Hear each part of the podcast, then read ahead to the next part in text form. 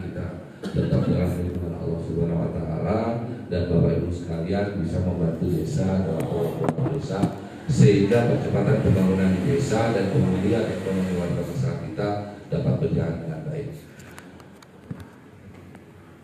Bila taufiq wal hidayah, Assalamualaikum warahmatullahi wabarakatuh. Pendamping desa Jojogan kami persilahkan. Gitu ya. Yuk. Sini aja deh. Yang ini aja Pak.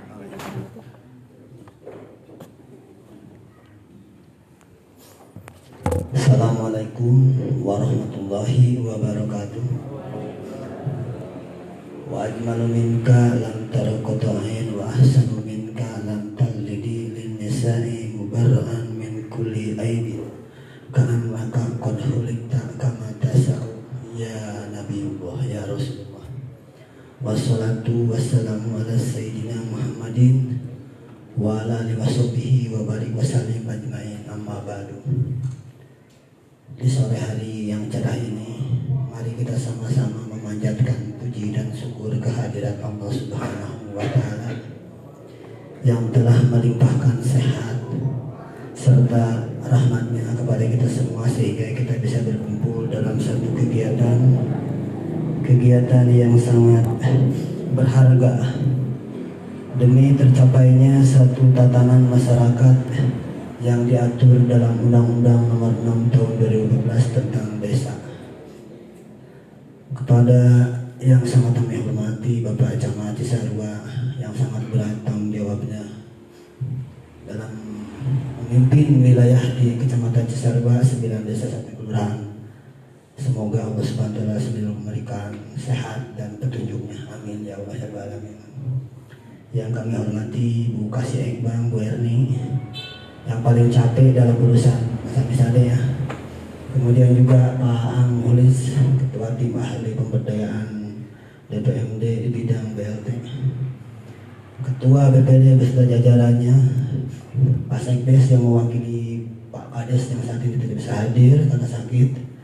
Para hadirin tokoh masyarakat bidang keagamaan MUI dan yang lainnya LPM Ketua RT untuk penggerak dana desa dalam hal ini saya ingin menyampaikan bahwa musyawarah desa ini merupakan kewenangan desa yang harus dilaksanakan. Kita memperhatikan daripada surat edaran tentang Kementerian Desa yang baru nomor 7 tahun 2021 tentang prioritas penggunaan dana desa. Untuk prioritas 2021 dana desa itu ternyata hanya ada tiga. Satu untuk pemulihan ekonomi, sehingga nanti kegiatan desa itu lebih banyak dipakai untuk melakukan kegiatan pemulihan ekonomi seperti padat karya tunai. Jadi kalau mau ada pembangunan, pembangunannya yang membawa padat karya tunai, bukan pembangunan yang tidak menghasilkan padat karya tunai. Dua kegiatan yang diinisiasi masyarakat, misalnya bumdesnya di wilayah Jogjogan ini ingin bekerja sama dengan para petani untuk menciptakan produk-produk unggulan di desa. Sehingga ada nilai jual. Hasil tani hasil perkebunan hasil ini semuanya dikelola oleh bumdes. Kemudian ada lokasi-lokasi yang cukup indah yaitu dijadikan tempat untuk tujuan desa wisata. Sehingga pemulihan ekonomi nasional yang diingin oleh Bapak Menteri tercapai di wilayah Jogja. Yang keduanya adalah untuk tetap mengalokasikan pada kegiatan penanganan PPKM. Entah itu berapa persen saya belum bisa menjabarkan atau 8 persen seperti yang ini. Tetapi acuannya tetap untuk 2022 mengacu kepada tahun 2021. Kemudian juga untuk kegiatan-kegiatan lainnya BLT masih tetap ada di draft perencanaan ya. Ada atau tidaknya dicoret atau tidaknya nanti setelah ada keputusan dari percepatan penyaluran dana desa apakah BLT diadakan lagi ataupun tidak. Tetapi kita selaku tim perancang nanti setelah dibentuk hasil musdes ini tetap menetapkan anggaran untuk BLT baik itu sebanyak seperti yang sekarang 113 ya kalau nggak salah atau berkurang atau lebih gitu. Kemudian juga ada kegiatan-kegiatan yang sifatnya pelatihan-pelatihan. Bagaimana masyarakat dilatih untuk membuat produk-produk yang bisa menilai jual ekonomi. Karena ini sesuai dengan uh, kegiatan-kegiatan program ini untuk pemulihan ekonomi jadi kalau kegiatan-kegiatan keagamaan mohon maaf mungkin belum bisa dilaksanakan diprioritaskan di dana desa kemudian kegiatan-kegiatan pembelian barang dan jasa misalkan mau beli kendaraan kalau mau beli apalagi itu mungkin itu juga belum bisa. Nah untuk itu saya harap mari kita sama-sama mengacu kepada program ini. Kemudian untuk Banprop mungkin masih mengacu kepada yang lainnya yang seperti sudah dilaksanakan 2021 walaupun belum ini kemudian juga ADD masih sama kemudian juga BHPRD kita lihat sesuai dengan pemasukan dana hasil retribusi pajak dari desa Jojo itu sendiri meningkat ataupun menurun. Dan untuk sampai saat ini mungkin sudah dilaksanakan ya sudah ada survei sudah masuk SIPD. Jadi 2022 tidak bisa diadakan perubahan lagi. Untuk itu kita fokusnya ke dana desa saja. Para hadirin sekalian, Selanjutnya untuk lebih di ini lagi bahwa dana desa selain kemarin dilaksanakan untuk BLT, untuk PPKM, ternyata di Jogjogan juga ada dilaksanakan kegiatan untuk TPT. Kemudian dilaksanakan untuk kegiatan stunting, nanti akan dilaksanakan kalau tidak salah hari Selasa sekarang ya, ibu-ibu. Akan ada semacam sosialisasi penanganan stunting bekerjasama antara desa Jogjogan bersama dinas kesehatan yang melalui UPT apa kesehatan kecamatan Cisarua dan yang lain-lainnya. Untuk hal-hal yang lainnya mungkin mari sama-sama untuk pembangunan di desa juga terutama Samisade yang menurut kami merupakan hal yang seksi. Jadi yang 40% yang sedang dilaksanakan ini janganlah terlalu dibesar-besarkan baik kekurangan ataupun ini dan saya sudah survei tiga titik bersama Ibu Kasih yang di Jalan Jogjogan, kemudian yang di dekat almarhum Pak Haji Badar, kemudian kemarin langsung bersama Pak Kades yang di dekat Aries Biru. Kami berkesimpulan untuk Jogjogan sudah memenuhi syarat untuk dilanjut untuk mengajukan ke tahap dua menurut hasil peninjauan kami karena untuk ketebalan untuk juga pengerjaan padat karya tunainya semuanya sudah menurut kami sudah tercapai lah. Tinggal secepatnya tadi ya diampaikan oleh DPD laporannya. Kemudian juga saya usulan saja bahwa jalan yang ada biru itu untuk 2022 bisa bekerja sama desa wisata dengan BUMDes karena itu jalan menarik sekali kiri kanan sawah. Bagaimana kita studi banding silahkan teman-teman dari desa wisata dan BUMDesnya untuk studi banding ke Kampung Mulia Harja Kota Bogor ya. Itu hampir sama potensinya hampir sama. Tapi di Mulia Harja itu bisa menjadi desa wisata bisa daya tarik desa wisata. Nah untuk itu silakan diadakan studi banding dari teman-teman bumdes dan desa wisatanya. Barangkali itu saja saya hanya menyampaikan prioritas penggunaan dana desa Burung Irian, Burung Cendrawasih. Cukup sekian dan terima kasih. Wabillahi ilmu wafiq ila metodik. Assalamualaikum warahmatullahi wabarakatuh.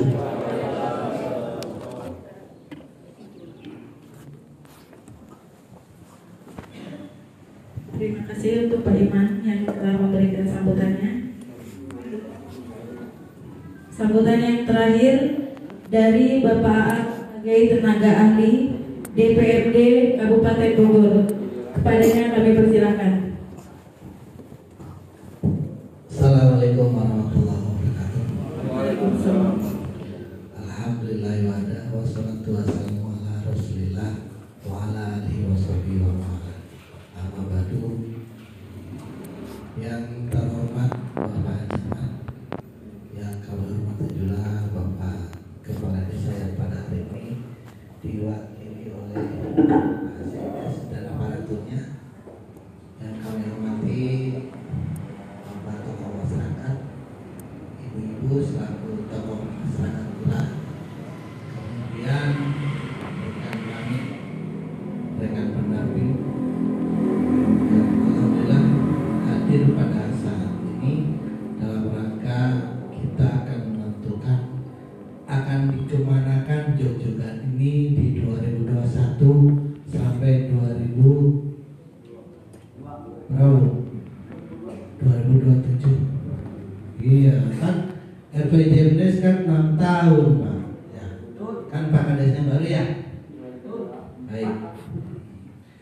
Ada beberapa hal, Pak Camat, mohon maaf. Eh, karena ini mah eh, lamun lamun jalan teh itu tamu. Pertanggung jawaban mengenai masalah Pak Camat. Kita tenang Pak. Itu jarang Pak Camat tanggung jawab seperti itu. Kan kan biasa masalah dengan sampai saya macam LSM bisa satu. Itu Pak Camat, Pak Camat teh pas saya nyampaikan menurut beliau kan kemudian lagi kaitan dengan lain-lainnya bantu dengan dalam hal menentukan desa juga enam tahun ke depan. Tentunya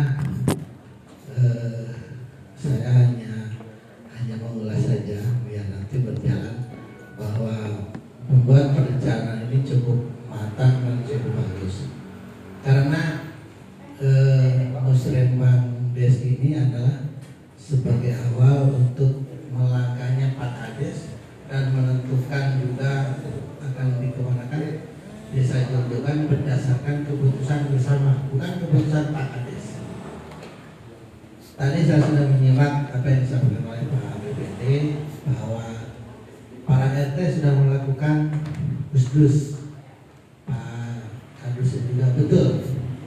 Ini ada berapa RT yang datang? Semua. Semuanya ada berapa? Satu RT berapa usulan? Ada empat dan lima. Kalau kalau seorang sepuluh usulan, kalau kalau sepuluh hanya satu usulan, sedikit pak untuk RPJMS. Karena permasalahannya banyak. Bapak bisa dasarkan juga karena kemarin SDG sudah kan? SDGs itu pun harus menjadi dasar untuk menentukan usulan. Ada pak tokoh agamanya. Beliau juga jangan dilupakan usulan apa dari apa dari MUI dari segi keagamaan ada apa yang diusulkan mau bikin apa masukkan juga di RPJMS kemudian lagi mau bikin pesantren kek mau bikin madrasah kek harus masuk di situ di RPJMS harus masuk. Kemudian ibu-ibu dengan di SDGs itu ada desa ramah perempuan. Ibu-ibu bikin kegiatan apa? Itu harus terekam juga usulannya mau bikin apa? Nah itu di RPJMS itu begitu. Karena sumber dana RPJMS itu ada berapa coba? Ada tiga Ede, sumber pendanaan desa PADES, Ah, PADES apa lagi Pak benar ya PRD, ya PRD mah dari PADES APBN PBN, PBD, APBDes kemudian bantuan lainnya dana aspirasi itu dari bantuan itu sumber sumber pendapatan desa. Kita harus tahu dulu sumbernya. Kalau tahu sumber duit mana yang akan datang? Sami sade itu dari APBD itu bukan bukan dari ibu bupati tapi dari APBD melalui ibu bupati. Kan begitu? Nah, kita akan dikemanakan? Kita yang menentukan ini. 2022 akan dikemanakan duit sami sade itu putuskan sekarang. Kemudian lagi APBN dana desa mau dikemanakan? Jadi kita menghitung kira-kira duit yang ada dulu aja. Yang belum ada duit datang yang belum kelihatan duit itu ada kita buatkan juga rencananya masukkan biaya buat misalkan Pak Ajengan mau bikin pesantren belum ada anggarannya masukkan saja. Barangkali tiba-tiba ada bantuan dari Turki atau dari Arab ke desa atau kecamatan kan kita sudah siap usulannya. Nih Pak Camat kami akan buat pesantren ini usulannya sudah dibuat 2021 kan begitu jangan sampai begitu ada duit kita bikin perencanaan. Itu yang gak beres akan tidak matang perencanaan. Jadi sudah disiapkan semua perencanaan. Fungsinya itu di situ. Kemudian mudah-mudahan setelah usulannya dari hasil musdus sudah di rekap dulu. Ada tim sebelahnya mana? Nah, ketua tim sebelas itu pembinanya adalah Pak Kades. Jadi ada tujuh orang minimal yang menyusun RPJMD. Ketuanya siapa? Yuk, Pak Sekdes. Ketuanya ini harus dipegang oleh Pak Sekdes. Usulannya akan diputuskan hari ini. Ah, ada seribu usulan misalnya, dari berbagai elemen, dari berbagai eh, dinas. Dinas pendidikan, masukkan kesehatan apa? Sekarang musim COVID dari dinas kesehatan, dari kedusuan butuh apa? Mau bikin apa? 2022 misal kita berharap tidak ada, masih ada COVID. Apa kita tidak perlu pos? Dengan pertambahan bisa saja perlu pos. Kita juga harus meng- menganggarkan di situ. Mendata. Usulannya harus masuk. Misalkan lagi ada vaksin program vaksin untuk para santri. Terhadap MUI-nya bisa saja itu sudah dialokasikan dari sekarang sudah masuk. Karena dari RPJMS kita juga akan menunjukkan RKP-nya rencana pemba- pembangunan untuk tahunannya masuk juga di situ. Sebaiknya memang ada ada percepatan dulu dari RPJMD selama. Ada berapa mana yang sudah dikerjakan mana yang belum. Tapi mudah-mudahan saya yakin itu sudah dilakukan semua dengan sudah terkumpulnya usulan. Sudah terkumpul kan usulannya dari mana RT masing-masing RT sudah punya usulan? Nah jangan sampai usulan-usulannya tetap bikin pos ronda kan begitu. Semua bikin pos ronda. Sekarang musimnya bi- bikin pos covid bikin. Bikin semua sementara drainase membanjir terbawa. Nah jangan begitu itu yang apa yang saya harapkan pada saat memutuskan keputusan ini karena ini akan menentukan nasib desa eh, Jogjogan enam tahun ke depan. Kemudian lagi jangan lupa sebelum menentukan sebelum musdus mestinya sebelum musdus itu diarahkan ini loh visi misi kepala desa. Apa kira-kira Pak RT visi misi Pak Kades? Maju. Maju. Memajukan desa Jogjogan itu saja ya? Bisa bisanya maju. Visinya. Maju pak mudah-mudahan sesuai tadi dengan prioritas penggunaan dana dana desa 2022 yaitu tiga yang tentang peningkatan ekonomi masyarakat adalah di situ kita lumayan dengan visi misinya Pak Kadis Makanya sekarang harus dikaji dulu. Bisa menentukan kaji dulu visi misi Pak Kadis cocok ke usulan yang akan kita tetapkan hari ini. Kalau nggak cocok repot juga nanti. Bisa-bisa ada yang protes Pak. Bumdesnya dua miliar punya Ah, segala macam. Jadi bukan main-main inilah untuk penentuan ini. Karena menentukan nasib desa kita ke depan. Karena kita tetap ingin maju dengan posisi kondisi dan situasi yang sekarang ini. Walaupun kita dalam posisi Covid, posisi tertekan, posisi segala sulit, tetap kita perencanaan harus matang dengan kondisi seperti apa nanti pendapatan keuangannya minimal kita mampu meng- mengamankan dan memanfaatkan duit yang ada. Sekarang dalam desa sudah dipangkas habis-habisan. Desa merasakan Karena pembangunannya ditarik dengan dana COVID. Dana satu miliar? Satu miliar dua ratus satu miliar dua ratus sudah diambil oleh dana COVID saja sudah 80 juta. Itu sudah 8 persennya itu sudah sudah tidak bisa dipetakan lagi dipetakan lagi. Ditambah dengan dana BLT BLT nya 113 kali 300 ribu kali setahun sama hari. Ayo. Sisanya berapa itu dari desa? Paling menyisa kan buat RJK unggul nah seperti itulah. Untuk saja di kabupaten kita ada samisanya pelajaran Kabupaten mana yang punya seperti ini? Di saat desa kesulitan, dana desanya besar, tapi habis dengan BLT, tapi kita masih bisa bikin jalan.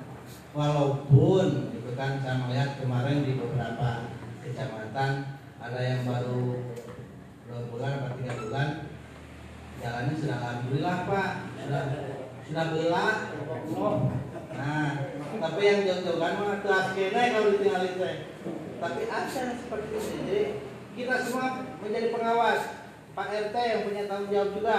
Yang menentukan usulan yang menyepakati nih ke sini kan dana kami sade eh, waktu pernah waktu pekerjaannya tidak pernah melihat ke sana.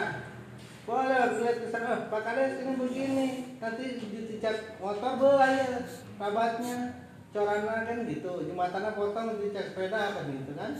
Nah kalau terjadi begitu kalau sudah belah pemeriksaannya nanti bulan 3 2022 2022 masih berapa bulan lagi?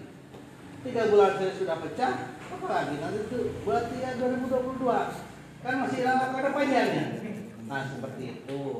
Jadi harapannya mari kita manfaatkan baik dana desa ataupun dana lainnya yang sifatnya bantuan sama-sama memantau.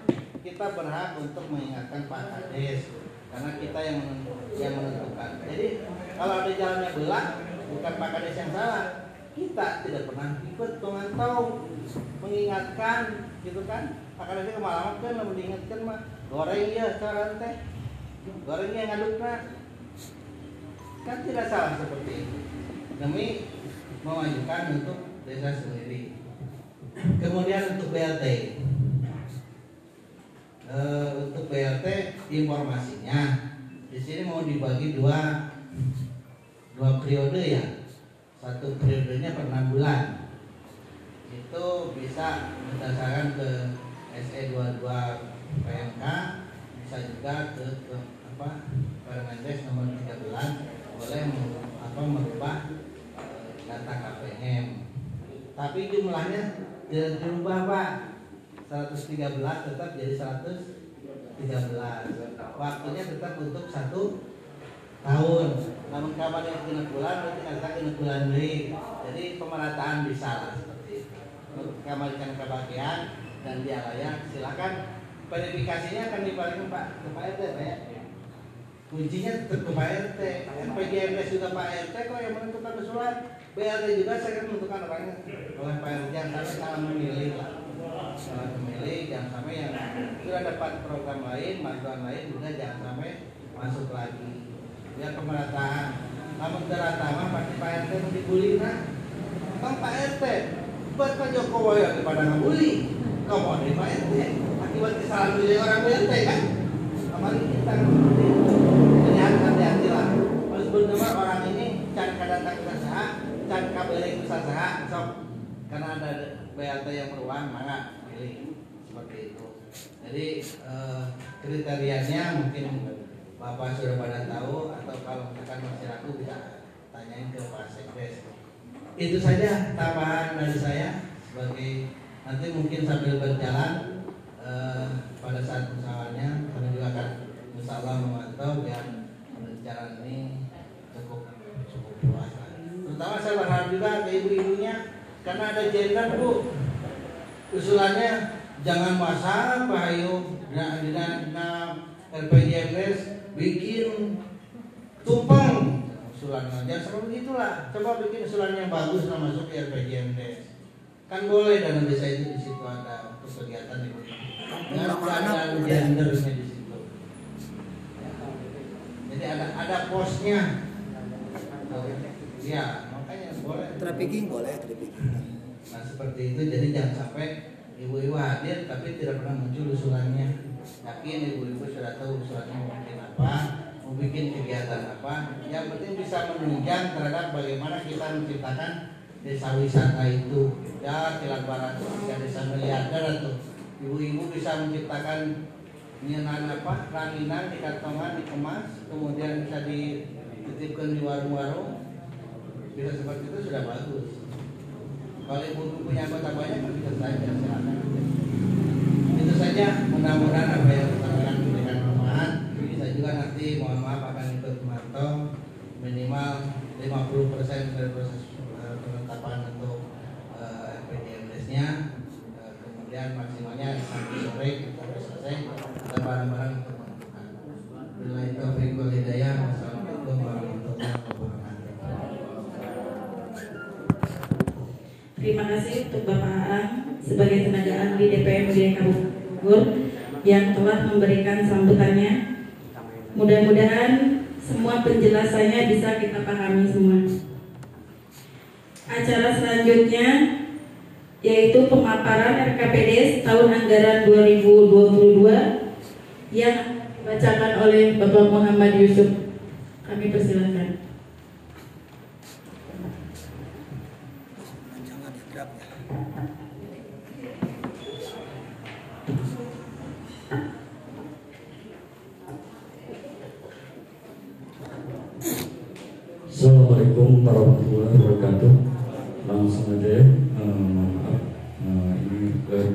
Usulan rencana pembangunan dusun 1 Desa Jujukan Kecamatan Sora Kabupaten Bogor tahun anggaran 2002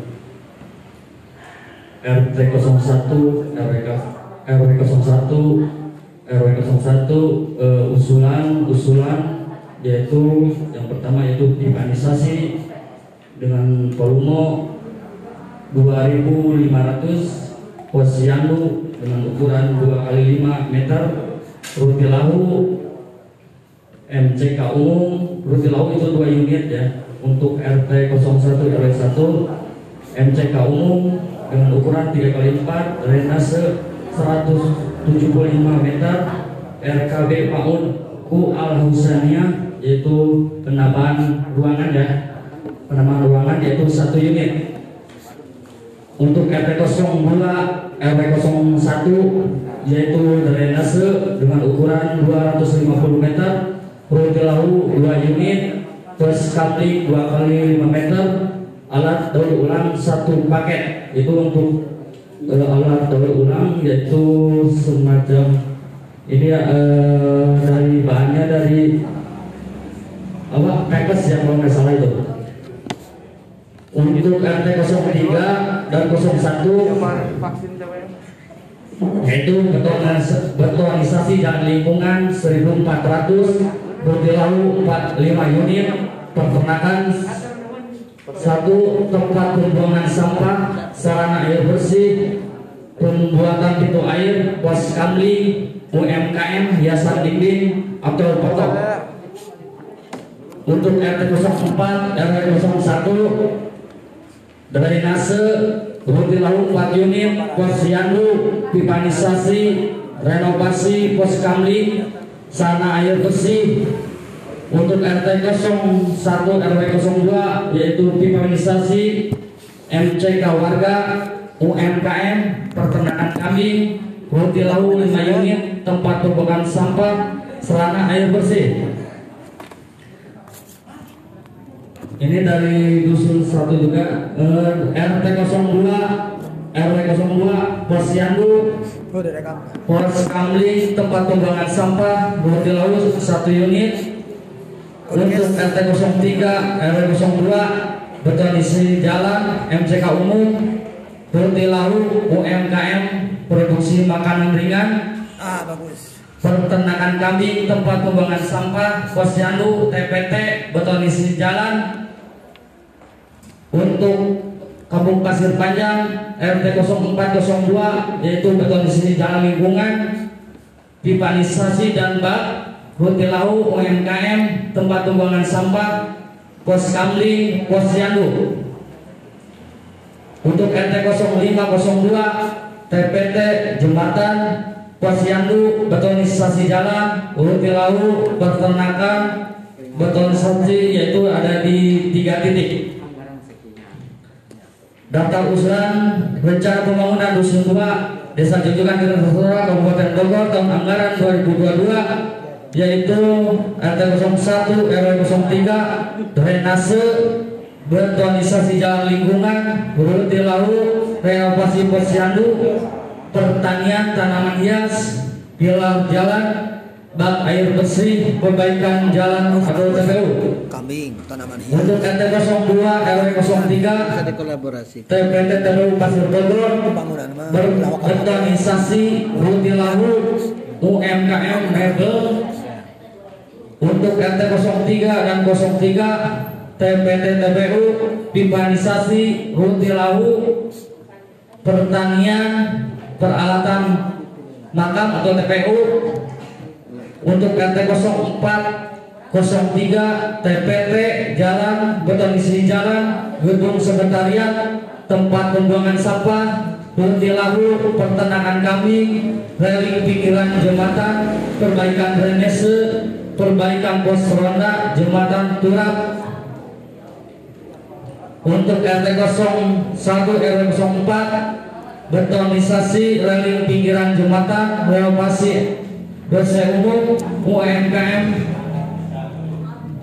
Bengkelas, Huntilalu, Drenase, Urbanisasi untuk RT 02 RW 04 Bank Air Bersih, Urbanisasi, TPT TPU, Pertanakan Kami, TPT, TPT Kali, Huntilalu, Jalan Lingkungan, Urbanisasi untuk RT 03 04 Urbanisasi, Drenase, Huntilalu, Pertanakan Ayam, UMKM, Pakan Ringan, TPT betonis di jalan perbaikan pos roda untuk yang terakhir RT 04 RW 02 TPT alat kebersihan makam atau TPU rutilahu peternakan ikan pipanisasi pembuangan limbah penyediaan tong sampah bak kontrol turap dan betonisasi, betonisasi jalan pagar posyandu pipanisasi mungkin itu saja yang saya sampaikan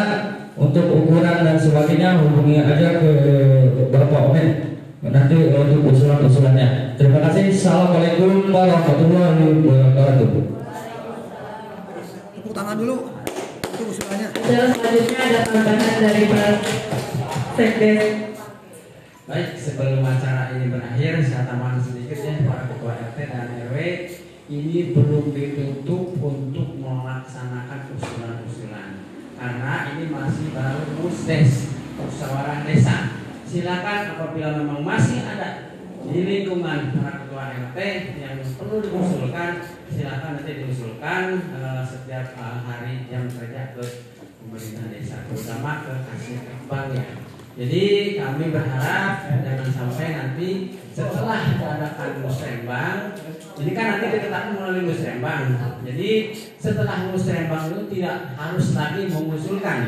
Jadi sekarang masih ada kesempatan sampai nanti dilaksanakan musyawarah pembangunan tingkat desa ya. Jadi kami akan menyusun anggaran tersebut melalui musrembang akan ditetapkan.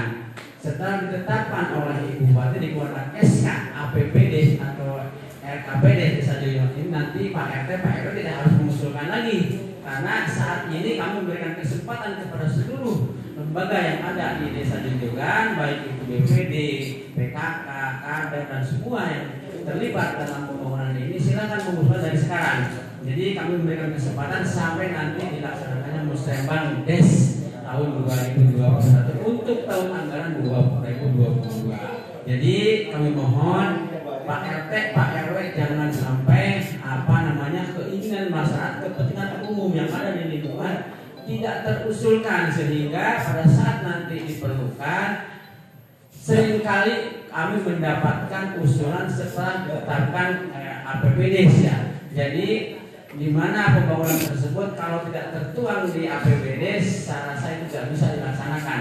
Semua kegiatan yang ada di lingkungan desa Jojogan terutama masalah pembangunan baik fisik maupun non fisik kalau sudah ditetapkan di APBD tidak boleh lagi ada usulan kecuali nanti untuk tahun anggaran berikutnya. Ya Pak mohon sekali lagi seperti itu. Jadi kami sering kali mendapatkan usulan setelah ditetapkan APBD. Jadi kalau tidak tertuang di APBD untuk tahun anggaran yang sedang dilaksanakan sedang berjalan tidak harus tidak bisa dilaksanakan. Jadi terpaksa harus diundur diundur untuk tahun-tahun yang berikutnya. Itu barangkali tambahan dari kami. Sekali lagi kami mohon maaf supaya diingat ya Pak RT ke depan. Jadi ini ini baru pertama kali Bu BPD melaksanakan musdes ya. Alhamdulillah musdes ini bisa tertangani oleh BPD bekerja dengan kepala desa. Baik, eh, saya nambahkan dikit saja. Eh, saya apa saya kurang dengar gitu ya. Perasaan tidak mendengar ada kegiatan yang sifatnya. Ini kan posisinya untuk RPJ RPJ apa RKP untuk RKP nah, untuk 2022 yang saya lepas apa saya kurang mendengar gitu ya. Kalau biasa telinga saya di Kalimantan pak. Biasanya kupingnya suka suka sawit gitu. Nah, atau aku kapal cair gitu kan ke speedboat dan saya mah kan orang baru lah di Bogor mah jadi kumaha cara di Bogor dalam menentukan usulan ini sepertinya saya tidak mendengar untuk kegiatan keagamaan pada Pak Tokoh, Pak MUI, apa tidak pernah diajak bicara pada saat pengumpulan usulan? Misal, misal aja, misalkan kita ada mau perbaikan masjid, walaupun anggarannya tidak jelas, nggak ada anggarannya. Kalau usulan boleh saja masuk di situ. Barangkali menurut saya tadi tiba-tiba ada juri tumpah kuda di Pakistan ka dia mau duit areknya masjid. Di kawan aku sok datang ke RTIG reknya masjid. Eueuh tempatna da baheula lagi tuh orang usulkeun aya masjid rek diomean ieu geus diomean ku masyarakat. Artinya berarti kita perlulah masukan itu walaupun anggarannya kita belum lihat dari mana anggarannya? Gitu kan? Itu bentuknya usulan eh, usulan kan? Angan-angan sih yang usul dina walungan pak. Apa yakin bakal menang mengusul di walungan?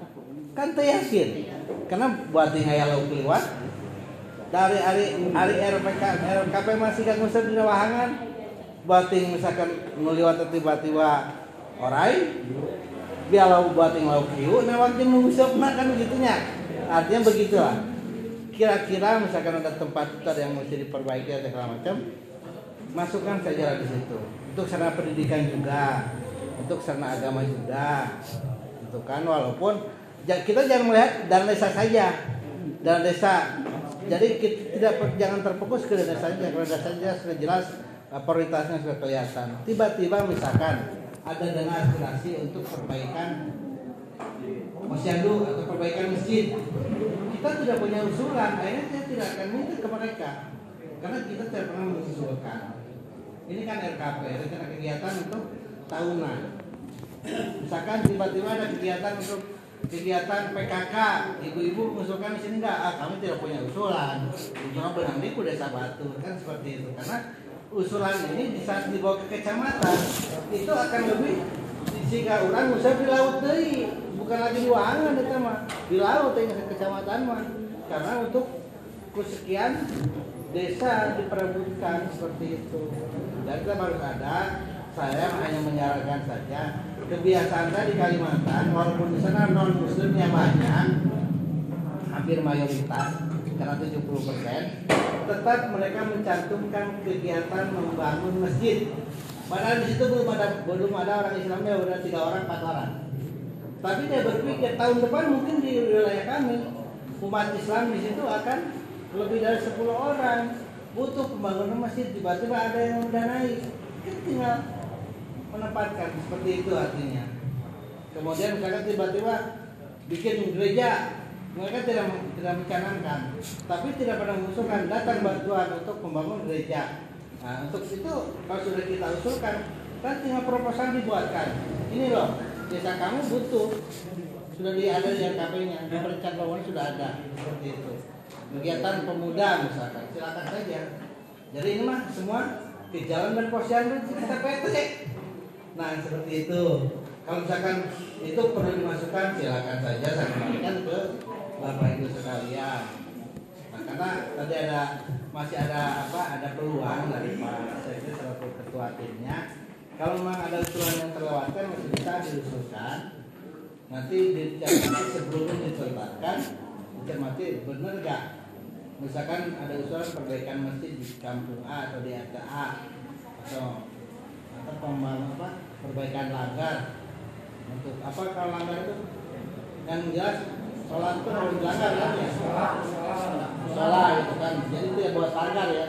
Buat sholat dan silakan aja karena tidak menutup kemungkinan 2022 ada donasi atau siapa pun yang ada perhatian terhadap itu membangun karena proposal sekarang ini proposal ajuan apa pun pembangun itu harus masuk di RKPD harus masuk di RPJMD harus masuk di walaupun di APBD tidak masuk misalnya tapi ada di RKP karena RKP ini tidak akan masuk di APBD semua yang masuk di APBD itu nanti akan dana yang yang ada dananya saja. Akan masuk di APBD yang sudah jelas kembali dapat anggaran Nah, yang tidak ada anggarannya itu akan masuk ke jadi sudah ada di RKP usulan itu yang yang saya sarankan. Silakan berbagi cermati lagi eh, untuk kegiatan-kegiatan yang kemungkinan-kemungkinan terjadi di kampung kita atau di daerah kita. Semangat Pak. Akan jadi saya sering mengajukan untuk pembebasan lahan bisa nggak katanya yang itu pembebasan nggak bisa gimana tuh Pak caranya Pembebasan lahan dari mana? untuk masjid maksudnya untuk Pembelian. lahan Pembelian. iya pembelian Kalau pembelian lahan mah biasanya kasih apa? Itu harus ada donatur pool. Wakaf harus Nah, wakaf. ada wakaf. Jadi kalau tempatnya biasanya harus ada tempat misalnya ada yang wakaf atau apa. Tapi itu bisa saja memungkinkan, tapi biasanya kecil kemungkinannya kalau misalkan plus lahannya. Karena itu harus bersuadaya aja masyarakat.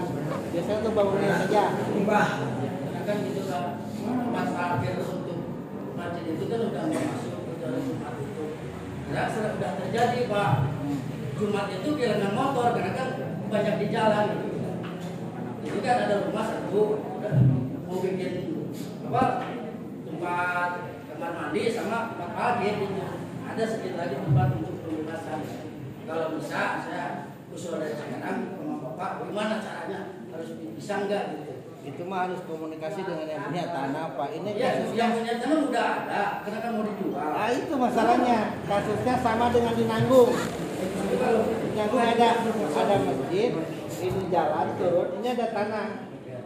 Cuman tanah ini susah dapatnya, dia maunya dibayar, dibeli, tapi siapa yang mau beli?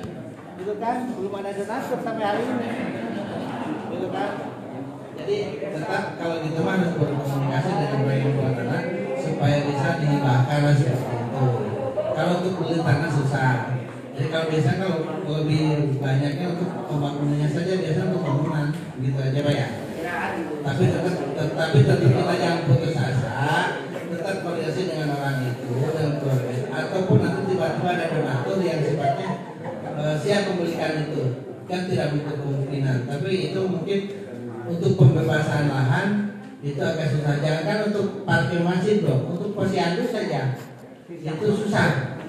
Sepanjang saya ingat di program jarang-jarang itu posyandu dapat apa namanya hibah gitu kan biasanya posyandu di, di rumahnya Pak RT, Pak RW itu kan sudah biasa atau di rumahnya kader gitu kan karena itu dia akan mau dijadikan posyandu karena terpaksa aja karena dia kader kan seperti itu itu yang yang saya alami seperti itu Pak Pak. Nah, saya nambahin aja. Maksud tadi saya kan berbicara tentang pemulihan ekonomi. Untuk teman-teman di pondok pesantren ataupun di uh, masjid, boleh nggak berekonomi?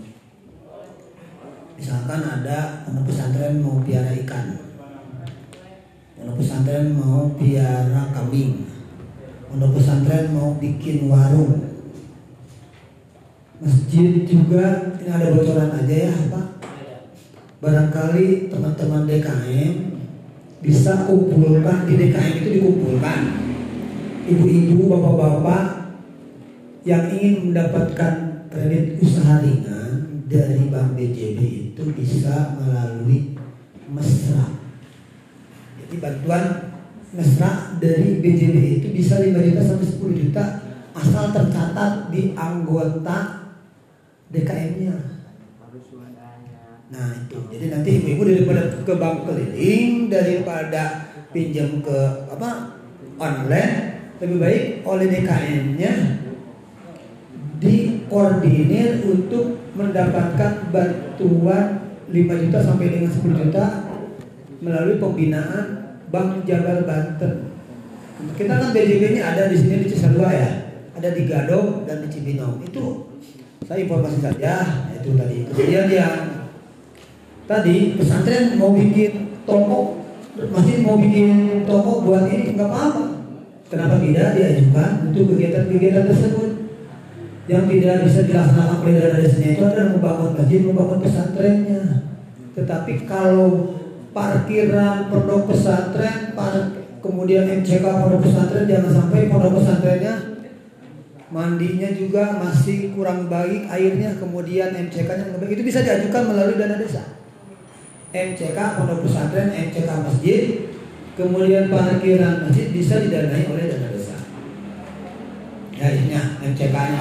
Jadi fasilitasnya kalau membangun masjidnya, membangun pondok pesantren tidak bisa. Nah kemudian juga satu lagi, tadi saya tertarik yang ada las, ada kambing, ada peternakan ikan, ayam. Nah itu berarti sudah sesuai ya ada pemulihan ekonominya. Makanya Pak Kades kemungkinan ya walaupun banyak usulan, walaupun sedikit yang penting terlaksana aja. Misalkan usulannya 25 juta, setelah diukur jadi 10 juta kan daripada tidak sama sekali karena ketahan covid covid lagi nanti bisa disiasati lagi. 2022 KPM-nya berkurang gitu. Bisa saja ada ada BLT tapi cuma 50 orang tidak perlu 13 ya. Jadi supaya adil dan merata gitu aja ya. Kemudian ibu kenapa ada kampung ramah anak dulu ya? Ya boleh. Mangga.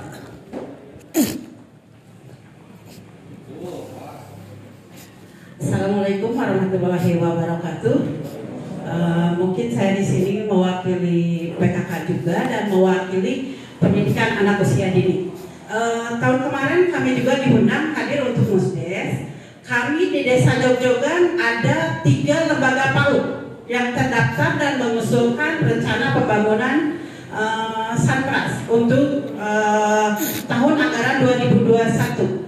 Uh, kebetulan waktu itu dari Kecamatan Bapak Arbi, apabila di 2021 tidak teranggarkan, akan dianggarkan di tahun 2022. Nah, begitu tadi mendengar pemaparan, uh, usulan yang dari tiga lembaga kami yang di Desa Jogjogan ini uh, tidak muncul PAUD yang ada di Desa Jogjogan ini, malah muncul PAUD yang Uh, kami tidak mengenalnya, tidak terdaftar izinnya di Dinas Pendidikan uh, Kabupaten Bogor. Nah, untuk itu, apakah kami bisa mengajukan kembali uh, untuk usulan itu? Karena kami janji dari 2021, 2021 kemarin ya, apabila tidak terlaksana di 2021 akan dimajukan di 2022 karena ada pandemi COVID. Uh, PKK-nya kami mungkin kemarin kita apa ya eh, Ibu Bupati di 2 PKK hasil uh, kita akan mengadakan uh, pembentukan BKB Bina Keluarga Balita HI di mana Bina Keluarga Balita HI itu harus terintegrasi dengan Posyandu dan PAUD. Nah untuk berintegrasi dengan Posyandu dan PAUD itu sendiri BKB itu sendiri mungkin uh, posyandu dan PAUD-nya sendiri pun fasilitas dari mulai fasilitas pembelajaran hingga pembelajaran uh, edukasinya, santrasnya pun harus terpenuhi. Maka dari itu kami pun dari PKK mengusulkan uh, di tiap posyandu itu ada edukasi, edukasi untuk pendidikan kepada uh, keluarga balita itu apa sih yang harus Uh, mereka pahami untuk pendidikan keluarga dalam mendidik anak usia dini di rumahnya itu. Nah untuk uh, dari dinas pendidikan mungkin kemarin kita ada programnya yang akan dicanangkan oleh Ibu Bupati, program wajib belajar satu tahun pra SD. Nah kemarin kita diundang untuk membentuk forum uh, transisi SD dan PAUD. Nah transisi SD dan PAUD itu sendiri nantinya akan uh, anak PAUD itu sendiri akan diajak uh, untuk belajar di SD. Nah PAUD itu sendiri pun harus sanprasnya pun sama Pak harus terlengkapi. Nah kami uh, diharuskan uh, meraih stakeholder-stakeholder itu untuk membantu pembangunan uh, berjalannya uh, PAUD itu sendiri. Maka dari itu saya mungkin di sini mewakili PAUD juga PKK ya. Uh, mohon Uh, kepada Bapak BPD, uh, mungkin Pak uh, pengurus BPD di sini, tolong diperhatikan usulan kami ini. Itu aja, mohon maaf apabila ada kekurangannya. Wabillahi taufiq wal hidayah. Wassalamualaikum warahmatullahi wabarakatuh. Saya Bu, saya. Baik. Apa saja saya ikut menjawab ya. Usulan itu boleh diajukan tiap tahun Bu. Ya.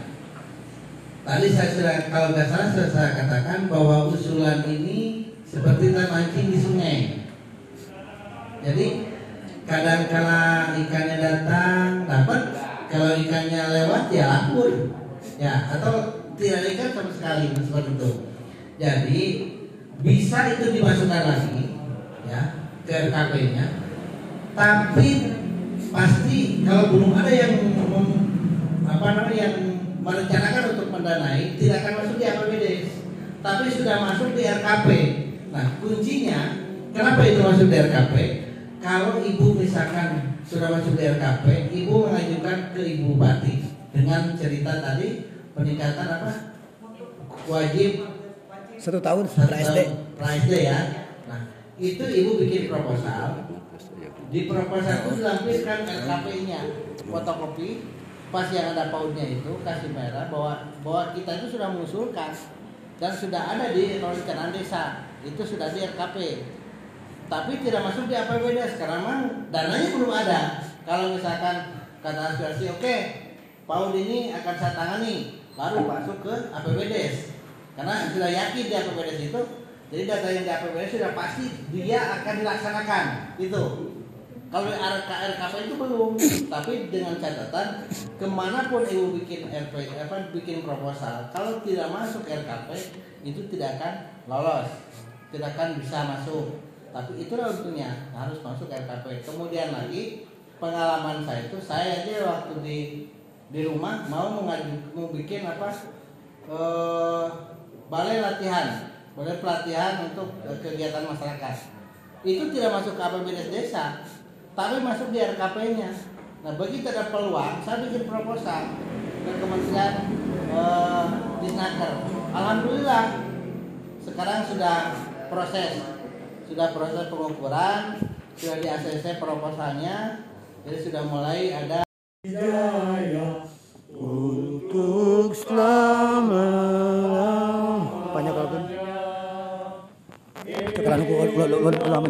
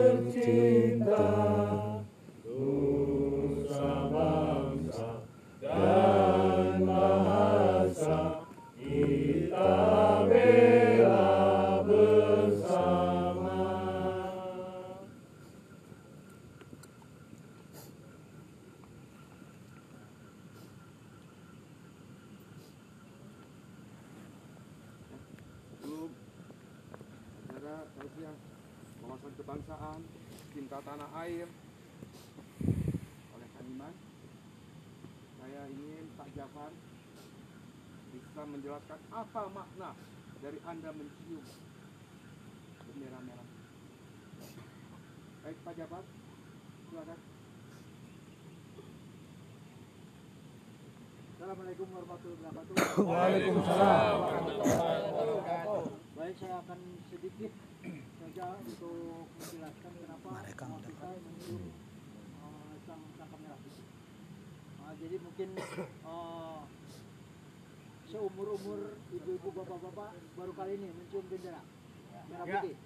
Iya. Dua kali, Pak. Tiga kali, Pak. Kalau Dua kali. Dua kali. Uh, yang di pulau. Pulau.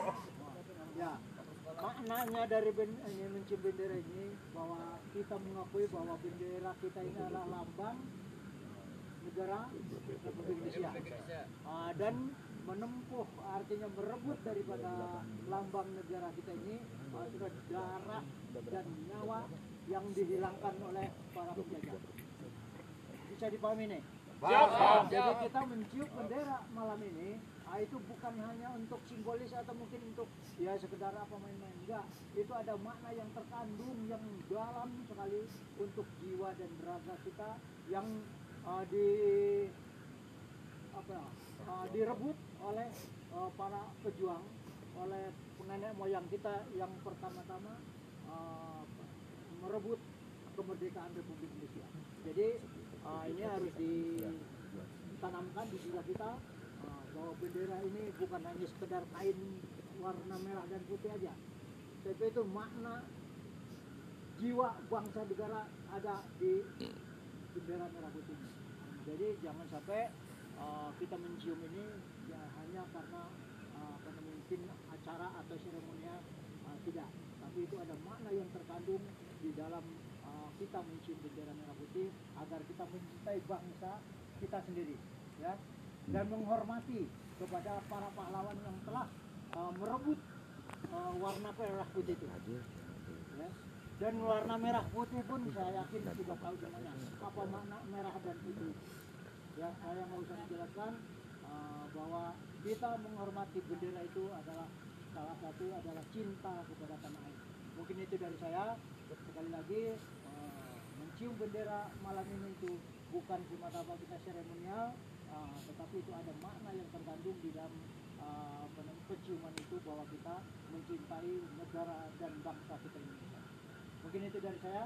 Mungkin saya yakin di antara kita semuanya di seluruh semuanya tentang apa nama merah putih tentang kebangsaan saya saya yakin sudah sudah tahu apa yang harus dilakukan oleh uh, kita sebagai uh, penerus uh, bangsa Indonesia ini uh, salah satunya adalah bela negara. Terima kasih. Assalamualaikum warahmatullahi wabarakatuh. Waalaikumsalam warahmatullahi wabarakatuh. Terima kasih Pak Ketua Harian BDP. Siapa? Itu lagi-laginya.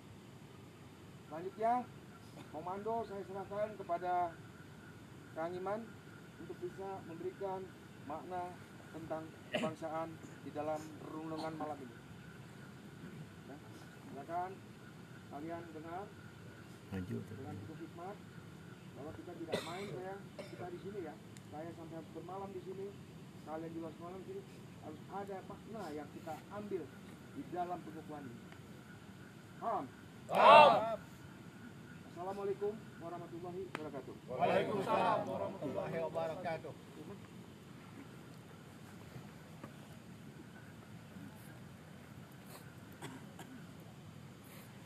Mari sama-sama kita melingkari api unggun ini ya. Yuk. Oh iya, Melingkari aja dulu. Melingkar aja. Bikin ling- lingkaran. Bikin lingkaran, bikin lingkaran. Agak lebar, agak lebar, agak luas. Bentar, bentar, bentar, bentar. Agak luas, agak luas. Barisannya dirapikan. Terus sampai melingkar. Pak, Pak. Pak, ini Pak. Ya. Jangan melingkar, Pak. Terus. Lingkaran ya. Lingkaran dulu. Boleh kita duduk? Duduk aja, jangan berdiri.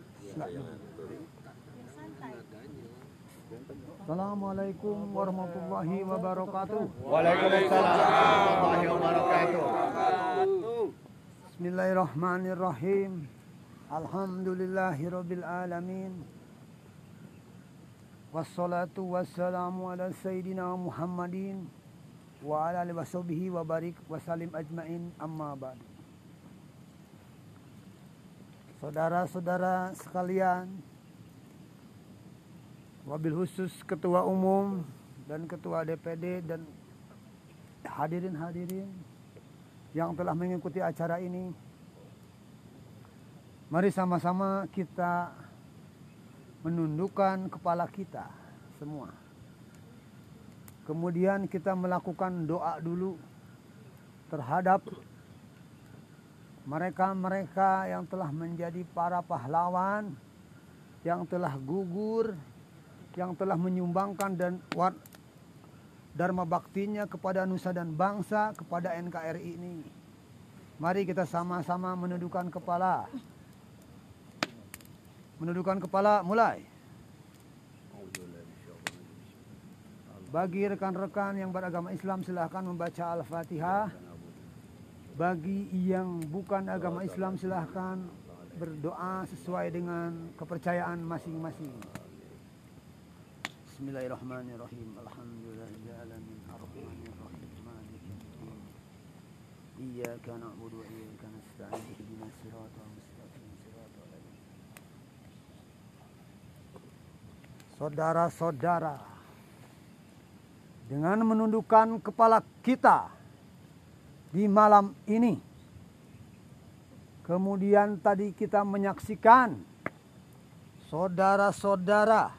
bapak-bapak, ibu-ibu mencium merah putih,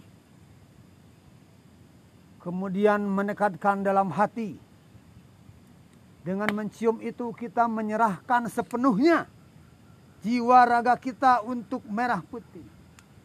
Sehingga kita semua datang ke tempat ini, hadir di tempat ini bukan untuk semata-mata menikmati keindahan tempat ini saja. Tetapi kita mulai detik ini, mulai hari ini, mulai besok selalu siap dan siap-siap untuk membaktikan diri, menjaga, membela, menjadi pahlawan-pahlawan di masa yang akan datang demi NKRI.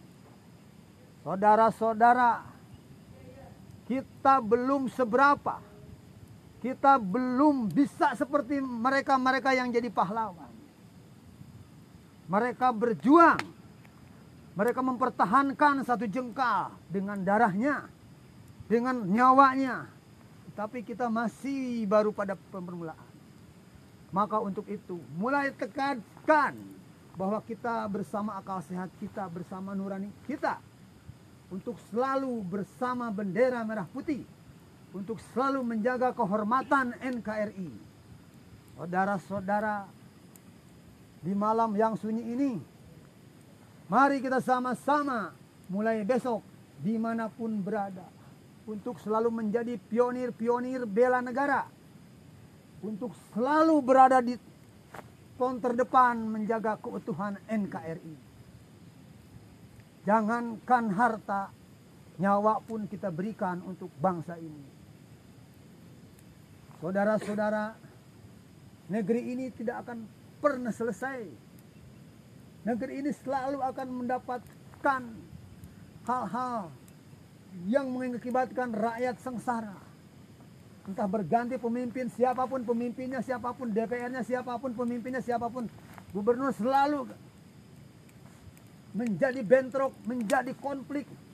Maka malam ini saya berdoa mari kita sama-sama berdoa agar kita semua menjadi pionir-pionir perubahan di negara kita agar kita semua menjadi perekat persatuan menjadi penjaga tidak menjadikan kita salah satu yang membela A dan B, tetapi kita menjaga dan membela negara kesatuan Republik Indonesia. Kita adalah masyarakat, kita adalah rakyat, kita berada di satu nama yang sangat besar, Garda Bela Negara Nasional. Untuk itu, mari sama-sama kita berikan nyawa kita, kita berikan raga kita, kita berikan pikiran kita. Seolah-olah kita hari ini disaksikan ribuan arwah, disaksikan para malaikat, disaksikan pohon-pohon dan langit-langit. Kita mulai merubah hal-hal kecil. Tidak perlu kita merubah yang sangat besar tapi hal-hal kecil. Tidak perlu kita merubah nama, kita perlu nambah tapi kita merubah semua yang dekat dengan kita, keluarga kita, teman kita, saudara kita untuk membela negara, untuk sama-sama menjadikan organisasi ini organisasi yang paling bermanfaat bagi kita, bagi masyarakat, bagi bangsa dan negara. Bagaimana kita lihat di film-film, bagaimana kita lihat di Taman Makam Pahlawan, bagaimana kita lihat di gedung-gedung, di monumen-monumen. apakah ada nama kita tertera di sana. Tetapi kalau kita mulai berjuang, tetapi kalau kita mulai mencoba, kita akan ada tertulis oleh namanya di hadapan Allah Subhanahu wa taala. Ya Allah ya Tuhan kami, berikanlah kami petunjuk. Amin. Berikanlah kami jalan yang terbaik. Amin. Jadikanlah organisasi ini organisasi yang bermanfaat bagi nusa dan bangsa. Amin. Ya Allah, berkat doa kami, semoga kejadian-kejadian baik bencana virus corona atau yang lainnya berkat bela negara, Amin. berkat berkumpulnya kita, Amin. berkat menunduknya kita. Allah Subhanahu wa taala akan angkat bencana dan balai negara Amin ya Allah amin. Ya Allah jadikanlah negeri kami baldatun taibah warabun ghafur. Amin. Robana atina fi dunya hasanah. Amin.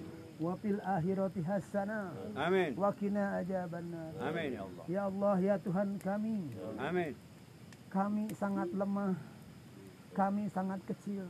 Amin. Kami tidak punya apa-apa. Amin. Tetapi berkat pertolonganmu, tetapi berkat kekuatanmu, Amin. tetapi berkat hidayahmu, Amin ya Allah. tetapi berkat kekompakan kami, tetapi berkat tekad kami, semoga cita-cita kami terkabulkan. Amin ya Allah. Semoga harapan, visi misi dan program kami selalu berada dalam pertolonganmu ya Allah. Amin ya Allah. Ya. Allah jadikanlah kami warga negara NKRI yang bermanfaat. Amin. Amin, ya Allah. Amin. Bagi nusa dan bangsa. Amin. Ya Allah tambahkanlah kekuatan iman kami. Amin. Ya Allah jangan jadikan kami orang-orang pengecut. Amin ya Allah. Ya Allah Amin. jangan jadikan kami pelacur-pelacur politik kebangsaan. Amin, ya Allah, Ya. Allah jangankan jadikan kami orang-orang yang tidak mau berjuang untuk nusa dan bangsa. Robana Robana hablana min adwajina wa dhurriyyatina Robana hablana min adwajina wa dhurriyyatina Robana Amin. atina fi dunya hasanah Amin. wa fil akhirati hasanah Amin. Adzabannar. Amin. Subhana rabbika rabbil izzati amma yasifun. Amin. Wassalamun alal mursalin walhamdulillahi rabbil alamin. Amin. Mohon maaf atas kata-kata saya. Apabila ada kekurangan, mudah-mudahan kita semua selalu dalam lindungan Allah Subhanahu wa taala. Wallahil muwaffiq ila aqwamit thariq. Wassalamualaikum warahmatullahi wabarakatuh. Waalaikumsalam warahmatullahi wabarakatuh. Baik, terima kasih. Emang. Eh, yang kena asap coba geser ke kiri, geser. Senyaman mungkin sekarang, senyaman. Ya. Kalau bisa duduk. Ambil barisan senyaman.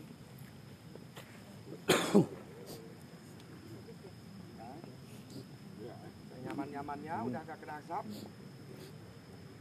Saya minta waktu 5 menit untuk kita menutup acara.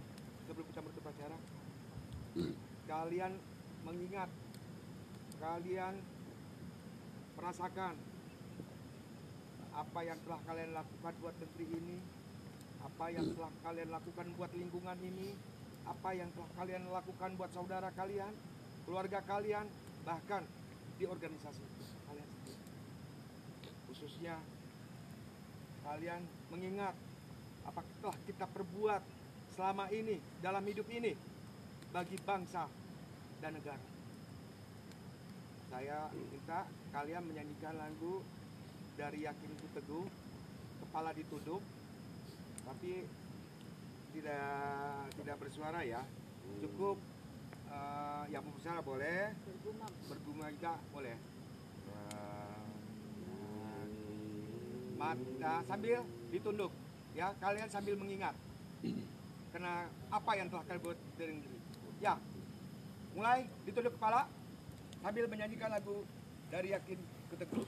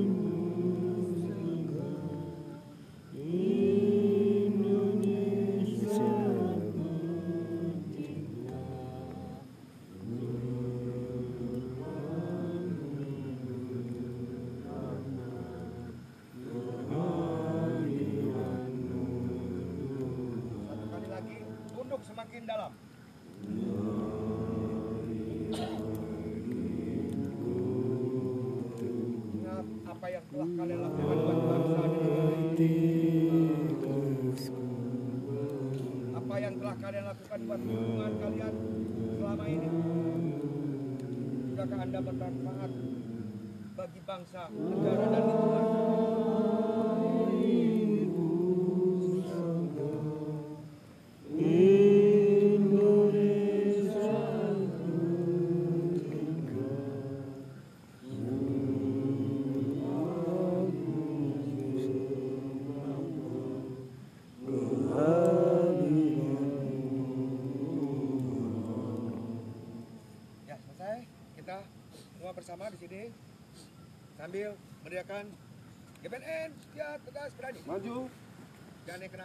Ya.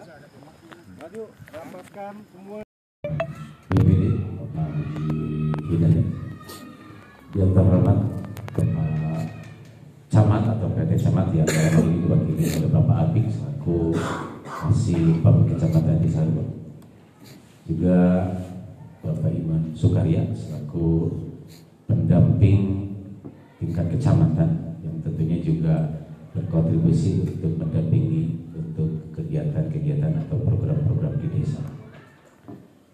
Yang terhormat juga Bapak Babin Kamtimas beserta Bapak Babinsa yang tentunya Bapak Babin Kamtimas ini kurang lebih tiga bulan. Juga yang tidak kalah eh, saya hormati istri saya di istri dalam arti bukan tanda kutip pasekdes karena suami tanpa istri ini kadang-kadang pincang. Tapi alhamdulillah itu tadi hormat Pak Sekdes beserta para kaum. Mangga Pak Kiai mangga. Beserta para kaum kasih dan seluruh jajaran staf desa. Mangga Pak Kiai mangga. Mangga. Yang kami banggakan dan tentunya juga sama-sama yang para ketua RW, para ketua RW beserta stafnya karena dia membawa stafnya ketua RW juga tidak lupa para kadus kadus 1, 2, 3, 4 dan tentunya mantan Kabogo ketua tim penggerak PKK beserta eh, Ibu Ros juga tentunya para kader posyandu yang dalam hal ini mewakili juga ketua LPM, ketua BUMDes. Juga ada perwakilan dari organisasi kepemudaan. Dan lain yang mungkin saya lupa yang insya Allah semuanya dimuliakan oleh Allah Subhanahu Wa Taala. Termasuk ketua paguyuban RT yang hadir di sini. Pada kesempatan pagi hari ini barangkali saya terlebih dahulu menyampaikan salam untuk semua, salam silaturahmi yang tentunya mudah-mudahan ini juga pertemuan yang bermanfaat, manfaat untuk kita semua atau ada keberkahan untuk kita semua. Tidak lupa Ketua MUI yang diwakili oleh Pak Ustadz Jalal yang saya hormati, kakak saya atau adik saya masih sama. Yang tentunya insya Allah mudah-mudahan juga di selalu dimuliakan oleh Allah Subhanahu Wa Taala.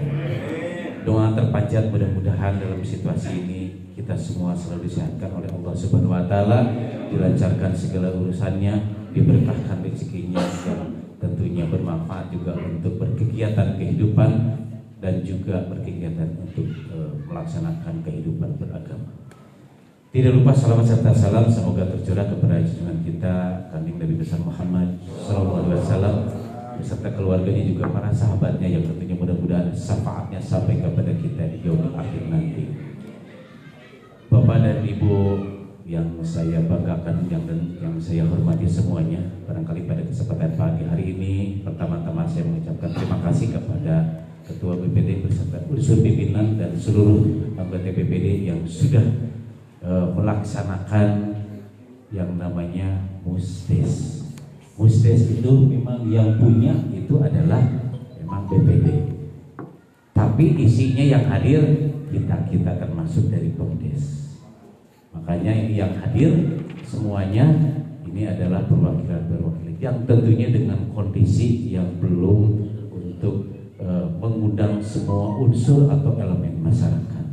Tapi tentunya dengan tidak rasa hormat kepada teman-teman yang belum diundang atau memang tidak diundang ini mudah-mudahan tidak menjadikan sebuah hal yang kurang baik atau menimbulkan pro. Mudah-mudahan bisa dipahami dan ini adalah merupakan sebuah hal yang berkaitan dengan kepentingan masyarakat. Jadi mohon kepada teman-teman di luar sana yang mungkin tidak diundang, mohon juga disampaikan gitu dalam kondisi seperti ini. Biasanya kalau yang tidak diundang itu pada baper kalau memang orangnya baper yang aing perjuangan kunaon padahal aing pejabat di lingkungan. Nah ini mohon dipahami supaya apa? Kondusivitas terus terjaga. Tentunya pada kesempatan pagi hari ini pun bukan hanya semata-mata mustes tapi mudah-mudahan ini sebagai tali silaturahmi juga Silaturahmi apa? Tentunya juga kalau bicara silaturahmi saya tidak bisa menjabarkan karena mungkin mudah-mudahan manfaat dari silaturahmi itu mungkin Bapak dan Ibu semuanya sudah lebih hatam daripada saya. Kebetulan juga ada Pak Kiai yang eh, lebih hatam daripada kami. Tentunya berkembali kepada uh, musdes ini yang tentunya tadi disampaikan oleh Ketua BPD, seyogyanya ada musdus dulu.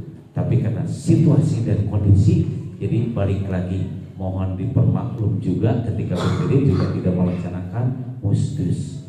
Tolong bantu kepada teman-teman di luar sana juga tidak ada musdus itu karena situasi dan kondisi. Insya Allah tahun depan mungkin BPD ketika suasananya situasinya sudah normal ini akan uh, diadakan lagi. Mudah-mudahan di musdus sesuai dengan regulasinya. Tapi tahun ini yang tadi itu karena situasi jadi memang langsung kepada mustes tentunya tidak mengurai rasa uh, apa uh, fungsi daripada mustes itu. Dan tentunya juga di sini mewakili dari unsur lainnya mudah-mudahan hasil musdes ini tentunya yang pertama manfaat untuk masyarakatnya berkaitan dengan apa-apa yang mau diinginkan atau memang aspirasi dari masyarakat yang tentunya diwakili oleh para bapak dan ibu semua. Mudah-mudahan Musdes ini adalah ajang sebagai uh, membuat satu rancangan yang tentunya berawal dari uh, hal yang diinginkan atau memang usulan, tapi mudah-mudahan ini bukan menjadi sebuah perdebatan perdebatan yang apa secara tidak langsung uh, membuat kondusivitas ini kemudian menjadi uh, kegaduhan. Tentunya saya berharap musdus ini adalah dikondusivitaskan, bukan ajang perdebatan, tapi dimusyawarahkan yang menjadi skala prioritas, memang menjadi skala prioritas. Sedikit tadi disampaikan oleh Bapak Ketua BPD bahwa eh, ketika bicara usulan, tentunya ini berkaitan dengan kegiatan ataupun progres ataupun program yang ada di lingkungan. Kalau kemarin saya sedikit berbincang-bincang, sesat namanya. Izin Pak Babinka Dimas, saya menggunakan kalimat sesat. Pak Babinka, serius tadi santai. Kami kemarin sudah serius tapi santai Pak Ketua BPD dengan beberapa Ketua BPD berkaitan dengan usulan-usulan. Kemarin itu saya melihatnya bahwa usulan untuk di tahun 2020 ini beberapa tidak bisa dilaksanakan di 2021. Kenapa? Yang tadi itu karena memang anggarannya ketua U Mister Kopi yang harusnya jalan lingkungan pun lebih banyak tapi karena memang COVID memang harus masih harus dianggarkan jadi sesederhana Mister COVID ya tadi jadi kalau kemarin saya apa ngobrol serius tapi santai yang tadi itu. Kalau memang nanti disepakati disetujui berkaitan dengan usulan yang memang di 2020 belum terrealisasi di 2021 kalau memang nanti hasil mustes ini bisa program yang memang sudah diusulkan kemarin ini dilanjutkan dilaksanakan di 2021 2022 tentunya itu pun harus melihat juga anggarannya. Sekilas info 2022 COVID ini masih meminta anggaran tapi mudah-mudahan COVID ini sudah dihilangkan dari muka bumi oleh Allah Subhanahu wa taala jadi kalau COVID nanti mungkin sudah tidak ada, ini anggaran akan normal kembali. Tapi ya itu tadi, saya belum tahu apakah memang COVID ini secara anggaran ditiadakan. Tapi info yang kemarin saya dapatkan, COVID ini di 2022 harus dianggarkan kembali untuk penanganannya. Tapi mudah-mudahan kalaupun memang ada COVID dan tapi mudah-mudahan segera hilang tapi tetap kami akan membuat skala prioritas nanti dengan unsur DPD itu sendiri. Tentunya eh, nanti mungkin apa pun hasil keputusan atau musyawarah pada siang hari ini mudah-mudahan ini terbaik menurut Allah, terbaik menurut kita. Kenapa? Kalau terbaik menurut kita belum tentu menurut Allah itu baik. Tapi kalau sudah menurut Allah itu baik, pasti menurut kita juga baik. Saya berharap eh, masjid hari ini diselesaikan serius tapi santai dalam kondisi kondisivitas dalam kondisi silaturahmi. Tadi sudah disinggung oleh Ketua DPD mengenai program yang sudah dilaksanakan. Kalaupun ini sekilas info bukan ekspos.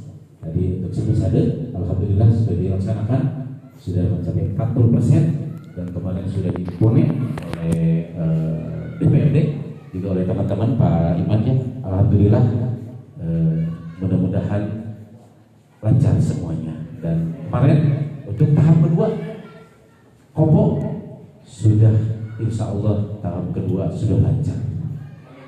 Saya tidak melihat desa-desa lain saya hanya melihat desa kita bahwa ketika memang sudah selesai pekerjaannya langsung digarap lagi malam kemarin sudah disampaikan lagi ke BPK, apa, DPRD untuk pencairan atau memang usulan tahap kedua Alhamdulillah lancar sukses tanpa ekses berkat doa Bapak dan Ibu semua.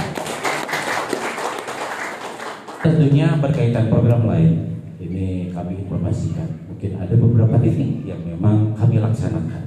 Nah ini saya berharap juga tidak menjadikan sebuah polemik ketika memang ada wilayah yang belum kemudian dilaksanakan. Kalaupun yang dilaksanakan itu adalah satu memang skala prioritas, yang kedua tidak bisa dilaksanakan bareng semua.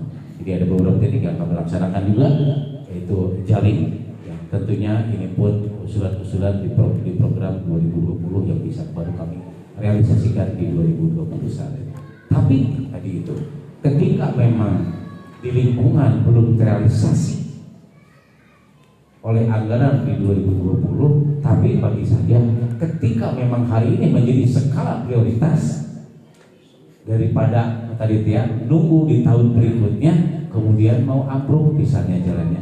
Insya Allah kita tinggal komunikasi bagaimana kita cari solusinya. Seperti kemarin sekilas info saja.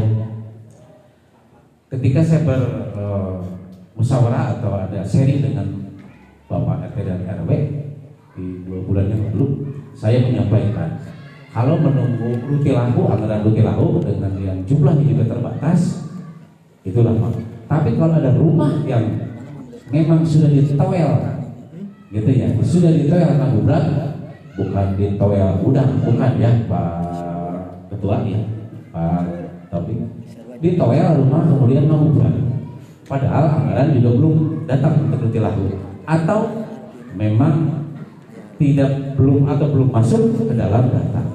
Segera konsultasi dengan kami. Kalaupun itu tidak masuk anggaran. Saya menyampaikan pada saat itu kalau tidak salah hari Selasa hari Kamisnya Pak RW Pak RT nelpon. Pak Kades Durek di toyal lagu berarti ayah uningan akhirnya kami ngobrol musyawarah Alhamdulillah sudah bisa kita atasi bersama-sama dengan unsur pengurus di wilayah beserta warga masyarakat itu. Alhamdulillah hari ini yang tadinya miring, yang tadinya ditoel ngagubrak dan sudah mau ngagubrak, hari ini Alhamdulillah sudah bisa berdiri kembali tanpa ada memang bantuan atau memang program uh, yang namanya rupilahu. Tentunya itu bukan kepala desa yang bekerja, tapi semua lini bekerja. Semua lini berupaya untuk memberikan yang terbaik. Semua lini bahu membahu untuk bagaimana caranya supaya rumah warga tersebut minimal bisa diisian untuk ngampar di luar kehujanan. Ini saya sampaikan bukan semata-mata untuk mencari pencitraan, bukan semata-mata untuk dilihat, tapi bagi kami adalah ini sebuah kewajiban. Dan tentunya kembali lagi kepala desa beserta desa tidak bisa bekerja sendiri. Tentunya ini saya juga mengucapkan terima kasih kepada para RW, para RT dan BPD yang semua sudah dalam kurun waktu satu tahun ini atau dari musdus kemarin sampai hari ini Alhamdulillah semuanya bisa bekerja dengan baik baik dalam semua bidang yang sudah kita realisasikan atau sedang kita laksanakan. Tapi yang tadi itu mohon dipahami ketika memang di lingkungan bicara fasilitas bicara infrastruktur yang belum bisa direalisasikan tapi insya Allah kami akan segera menyelesaikan ketika mungkin mudah-mudahan hasil dari mus dus musdes ini ini bisa menghasilkan berdasarkan musyawarah untuk mufakat. Tentunya sekali lagi saya berharap bahwa ini adalah pertemuan pertemuan yang untuk kepentingan masyarakat, untuk kepentingan perubahan desa Kopo yang lebih baik, perubahan desa Kopo bukan perubahan hanya secara simbol saja, tapi perubahan secara uh, desa lingkungan seperti secara eksekusinya pun insya Allah. Ketika memang semua ini bergerak berjalan insya Allah semua dapat bisa teratasi. Tentunya juga Bapak dan Ibu hadirin semua bahwa ketika berbicara skala prioritas, kalau bicara SDGs, jadi saya tidak akan menjabarkan ada ahlinya mungkin. Mungkin Bapak dan Ibu sudah tahu bahwa kalau saya mendapatkan informasi usulan itu sebetulnya sekarang ini tidak menjadi skala prioritas, tapi sudah berada dalam posisi SDGs. Jadi pihak eh, kami dengan BPD itu dilihat dari data SDGs sebetulnya. Tapi karena memang kondisinya SDGs juga belum maksimal, ya akhirnya kami pun tetap akan menerima usulan secara langsung. Yang mana tentunya kalau tidak salah ada berapa poin Pak Iman SDGs? 19. 19 poin. Dengan tidak mengurangi rasa hormat untuk sanitasi, untuk air bersih, kami sudah programkan melalui Pamsimas di RW. Sabar apa RW? ah ingat dan kene pinter kene tadi Kasong 06 ya di RW 06 program Maksimas sudah masuk di RW 6 program air bersih program yang tentunya ini juga kepentingan untuk masyarakat. Tercapai SDGs ini untuk sanitasi dan air minum yang sehat untuk masyarakat. Kenapa ke wilayah 06 karena pada saat itu memang sumber airnya yang mumpuni dan fasilitas lainnya yang mumpuni adalah di 06 dan 05 ya tentunya itu. Jadi mudah-mudahan ke depannya program vaksinasi ini akan berjalan juga di tahun berikutnya. Wilayah-wilayah yang memang pertama adalah ada syaratnya.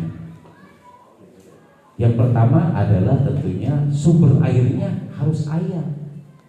Yang kedua oh, tadi itu masyarakatnya memang membutuhkan. Kalaupun masyarakat ingin membutuhkan, namun sumber China ke ayamah rada susah. Yang ketiga selanjutnya pengurus di lingkungannya juga harus berjibaku. Tentunya itu berkaitan dengan namanya uh, eh, KPM ya Pak RW. KPSPAM. Nah, udah pada pinter Saya malah belum tahu. Itu dibutuhkan juga para pengurus di lingkungannya yang betul-betul eksis, betul-betul untuk apa ya continue terus-terusan karena emang tidak mudah menjalankan program-program tersebut tapi saya yakin untuk para pengurus di desa Kopo dari mulai kepemudaan kemudian para RT, para RW dan kadusnya insya Allah semua akan berjibaku ke depannya bekerja keras untuk melayani masyarakat secara umum. Barangkali Bapak dan Ibu kalau bicara panjang lebar mengenai desa ini tidak ada ujungnya. Tapi saya hanya sekilas menjabarkan saja secara garis besar.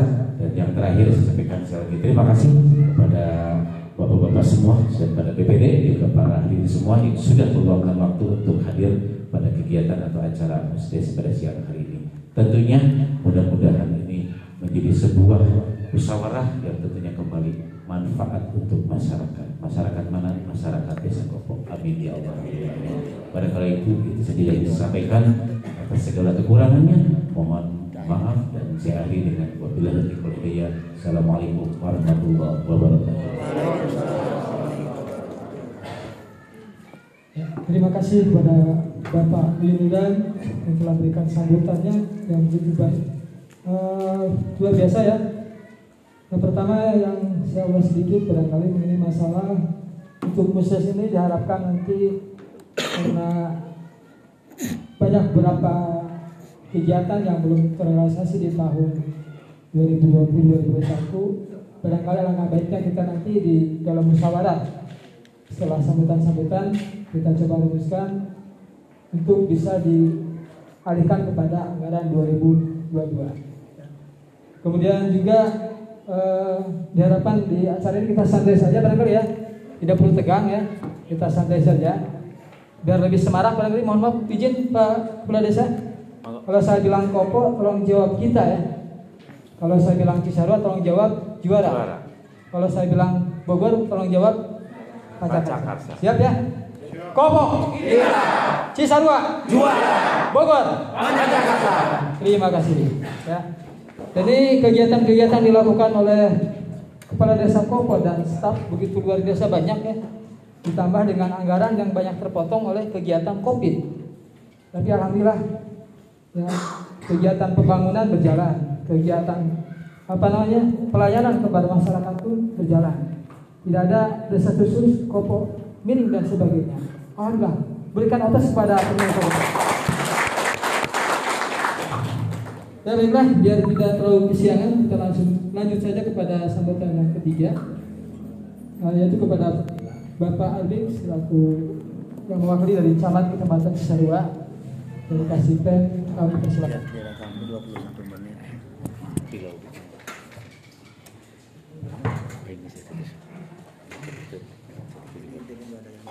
Assalamualaikum warahmatullahi wabarakatuh. Bismillah, alhamdulillah, la hawla wa la quwwata illa billah. Allahumma shalli wa sallim ala sayyidina Muhammadin wa ala alihi wa sahbihi ajma'in. Amma ba'du. Yang terhormat Ketua BPD, pimpinan dan anggota Desa Kopo, yang saya hormati Kepala Desa Kopo, beserta perangkat desanya yang saya hormati pendamping desa kecamatan Cisarua yang saya hormati pembina desa.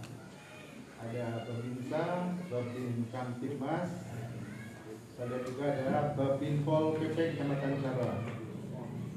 Yang saya hormati Ketua TPPKK Desa Kopo yang saya hormati pula Ketua MUI atau yang mewakili Yang saya hormati Lembaga Desa Popo Mulai dari RW, LPM, RT dalam hal ini diwakili oleh Ketua Paguyuban ya. Tak lupa juga Ketua Bumdes eh, OKP Semua yang hadir dengan tidak mengurangi rasa hormat tidak bisa disebut satu persatu. Puji syukur kita panjatkan kehadirat Allah Subhanahu wa taala bahwasanya pada siang menjelang pada pagi menjelang siang ini kita bisa berkumpul silaturahmi dalam kegiatan musyawarah Desa Kopo tahun 2021 perencanaan tahun anggaran 2022. Tak lupa salawat dan salam semoga tetap tercurah kepada baginda Rasulullah Muhammad Sallallahu Alaihi Wasallam, keluarga, sahabat, penerus, dan tentunya kita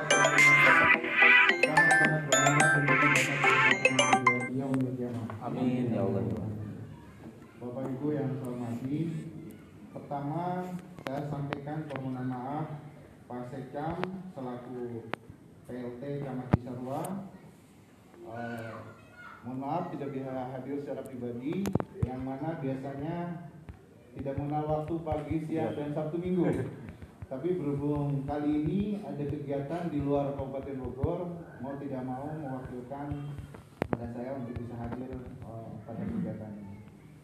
Selanjutnya terkait dengan sambutan dari pihak kecamatan pada kesempatan ini nambahin dari apa yang sudah disampaikan tadi oleh ketua DPD, kepala desa yang sudah panjang lebar. Jadi saya sedikit terkait dengan pelaksanaan uh, Musdes Desa Popo.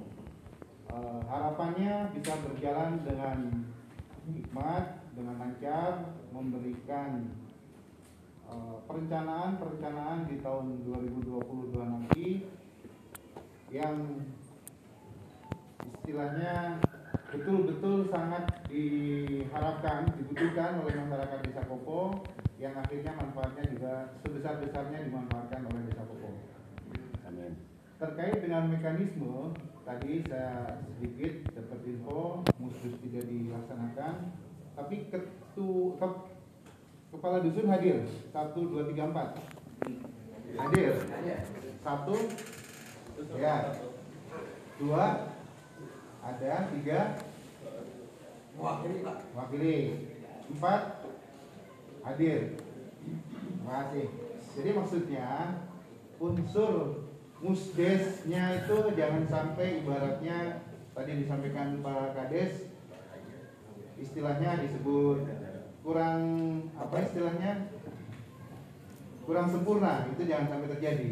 Saya harap Ya tadi mengingat pandemi juga masih berlangsung, mudah-mudahan di 2022 uh, kita sudah bebas juga dalam arti target pemerintah dari pusat uh, turun sampai ke kecamatan dan desa itu di Desember 2021 ini vaksinasi buat warga masyarakat itu cukup untuk 70 atau sampai dengan 70 persen.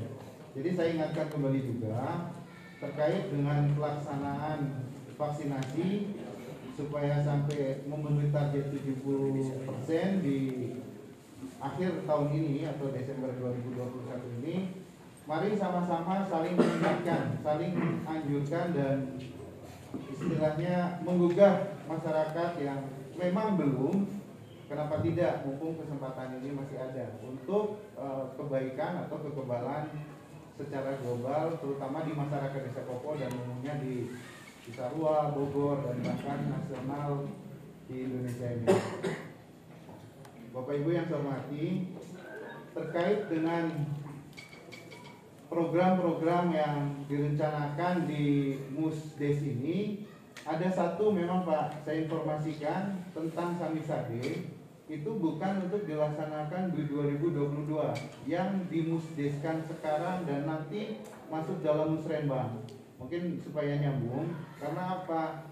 Pelaksanaan Samisade itu sistemnya pakai dulu Simral sekarang RKPD jadi mau tidak mau konsep e, penganggaran itu menggunakan mekanisme APBD walaupun nanti desanya apa dananya menjadi APBD gitu Kades ya. Jadi untuk 2022 itu udah deal.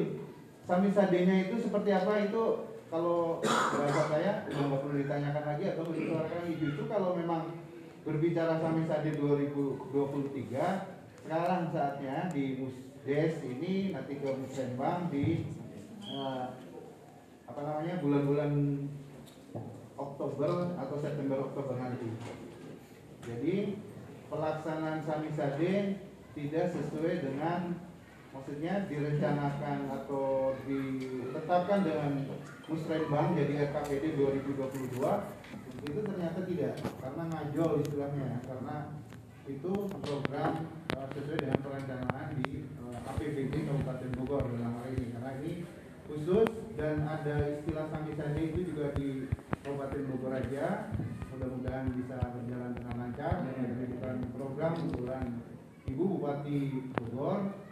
Kalau 2021 sedang berjalan 2022 perencanaannya udah clear sudah di RKPD kan nah nanti 2023 jangan pesimis karena ini merupakan janji Bupati dan Bupati eh, apa istilahnya akhir masa jabatannya sampai akhir 2023 silahkan masuk dalam uh, musdes ini itu apa namanya samisade itu. Dengan ketentuan nanti mungkin Pak Iwan secara teknis eh, namanya samisade satu miliar satu desa. Kalau bisa diambil secara maksimal kenapa tidak? Kalau memang tidak mungkin karena 2021 mungkin yang istilahnya nilai maksimalnya sudah dilaksanakan 2022 sudah dilaksanakan itu bisa ngambil kegiatan yang nilainya eh, tidak langsung satu kegiatan satu miliar tapi mungkin bisa dua kegiatan atau tiga. Dengan catatan terkait dengan lahan jangan sampai jadi permasalahan. Harus clear and clean. Jangan sampai ada APB desa ataupun APBD kabupaten provinsi dan APBN masuk itu di eh, lahan atau tanah yang statusnya masih eh, belum ada kepastian hukumnya. Selanjutnya saya juga mohon maaf mungkin nanti tidak bisa mengikuti secara tuntas karena ternyata kegiatan hari ini juga musdes tidak di desa Popo aja. Ada di desa lain yang tadi informasinya juga sudah berjalan mudah-mudahan semuanya bisa berjalan lancar. Terutama yang saya di desa Popo dari di awal saya sampaikan eh, kegiatan kita kali ini mudah-mudahan sebagai amal ibadah Amin. Allah eh, berikan pahalanya terkait dengan kita silaturahmi kali ini, musyawarah kali ini, dan tadi menghasilkan perencanaan yang benar-benar dibutuhkan oleh masyarakat desa Koko, sehingga akhirnya nanti manfaatnya benar-benar sebesar-besarnya untuk masyarakat desa Koko. Mungkin itu yang bisa saya sampaikan, kurang lebihnya mohon maaf. Wabillahi taufiq wal hidayah. Assalamualaikum warahmatullahi wabarakatuh. Terima kasih kepada Bapak Adik yang telah memberikan sambutannya dan telah mengharapkan bahwa pelaksanaan acara Musdes Desa Pom ini bisa berjalan dengan hikmat dan berjalan lancar. Amin ya rabbal alamin. Amin. Baiklah, untuk sambutan yang terakhir yang akan disampaikan oleh Bapak Iman Surkarya Sarkowi ya. Padanya kami persilakan. Assalamualaikum warahmatullahi wabarakatuh. Bismillahirrahmanirrahim. Wa ajmal minka lam tara qata'in wa ahsanu minka lam talidi lin nisa'i mubarra'an min kulli aibin ka'annaka qad khuliqta kama tasau ya Rasulullah ya Nabiullah Wassalatu wassalamu ala sayyidina Muhammadin wa ala washabihi wa alihi ajma'in. Amma ba'du Pertama-tama di hari pagi yang cerah ini kita sama-sama memanjatkan puji dan syukur kehadiran Allah Subhanahu wa taala yang telah diberikan limpahan nikmat untuk sama-sama hadir dalam satu pertemuan musyawarah desa Kopo yang digagas oleh Badan Permusyawaratan Desa yaitu ketuanya Kang Haji Amin beserta jajarannya. Mudah-mudahan seluruh diberikan kesehatan Allah Subhanahu wa taala. Kemudian juga langsung dihadiri difasilitasi oleh pemerintah desa Popo ya. Win Wildan dan jajarannya Pak Sekde semuanya. Kemudian juga ada rekan kami di pemerintahan kecamatan Cisarua selaku mitra dalam membina memberdayakan masyarakat desa melalui program yang digagas oleh Undang-Undang Nomor 6 Tahun 2014 tentang Undang-Undang Desa yaitu di pemerintah kecamatan Cisarua. Tak lupa pula ada para pembina dari Babinsa dan Babinma serta di Cisarua serta para tokoh masyarakat yang ada di sini dari MUI dan lainnya serta para undangan wabil khusus ketua dusun, ketua RW dan perwakilan ketua RT yang mana tadi dibahas tidak semua diundang. Alhamdulillah tidak menyerutkan langkah untuk melaksanakan kegiatan musdes. Dalam hal ini, musdes ini merupakan satu kewajiban desa yang harus dilaksanakan minimal dari setahun sekali. Ada musdes RPJMDes, ada musdes LKPDes, dan musdes-musdes yang lainnya. Termasuk musdes pembentukan BUMDes, musdes pembentukan LPM, semuanya harus berdasarkan musdes. Alhamdulillah, saya lihat desa Popo cukup sering mengadakan musdes walaupun mungkin ya tidak sesering seperti ini kondisinya mengingat covid dan yang lainnya. Dalam hal ini mungkin arahan kami dari pendamping desa bahwa mungkin selain mengadakan musdes dari KPDes harus ada perubahan RPJMDes yaitu rencana pembangunan jangka menengah desa yang mana mungkin waktu itu setelah tiga bulan dilantik harus membuat RPJMDes sehingga beberapa draft kegiatan yang dilaksanakan di 2020 dan 2021 tidak sempat tercantumkan. Misalnya seperti ada edaran dari peraturan pemerintah tentang COVID ya nomor 20 tahun 2020 itu harus masuk RPJMDes dan dilaksanakan di RKPDes dan APBDes ada 35% dana desa yang harus disalurkan melalui BLT lalu di tahun 2020 juga ada kegiatan PPKM penyemprotan segala macam itu juga harus masuk. Kemudian juga ada kegiatan Sabisade tahun 2020 saya rasa itu juga harus masuk di RPJMDes dan RKPDes kemudian 2021 ada bantuan-bantuan semacam Pamsimas juga harus masuk ke RPJMDes lalu uh, selama 12 bulan pemerintah desa memberikan bantuan sebanyak 300 ribu kali 141 KPM itu juga harus masuk di RPJMDes kemudian juga ada yang 8% ada tadi bantuan-bantuan yang lain sifatnya. Apa pun bentuknya kegiatan di desa itu harus masuk dan tercantum dalam RPJMDes, RKPDes dan APBDes. Alhamdulillah ini sekedar informasi karena apa? Untuk penyelarasan. Jadi kalau kegiatan yang dilaksanakan di APBDes tidak tercantum di RKPDes, tidak tercantum lagi di RPJMDes akan merupakan ketimpangan serta ketemuan sehingga semuanya rapi lah. Saya pikir itu merupakan informasi buat teman-teman dikasih perencanaan desa dan Pasekdes.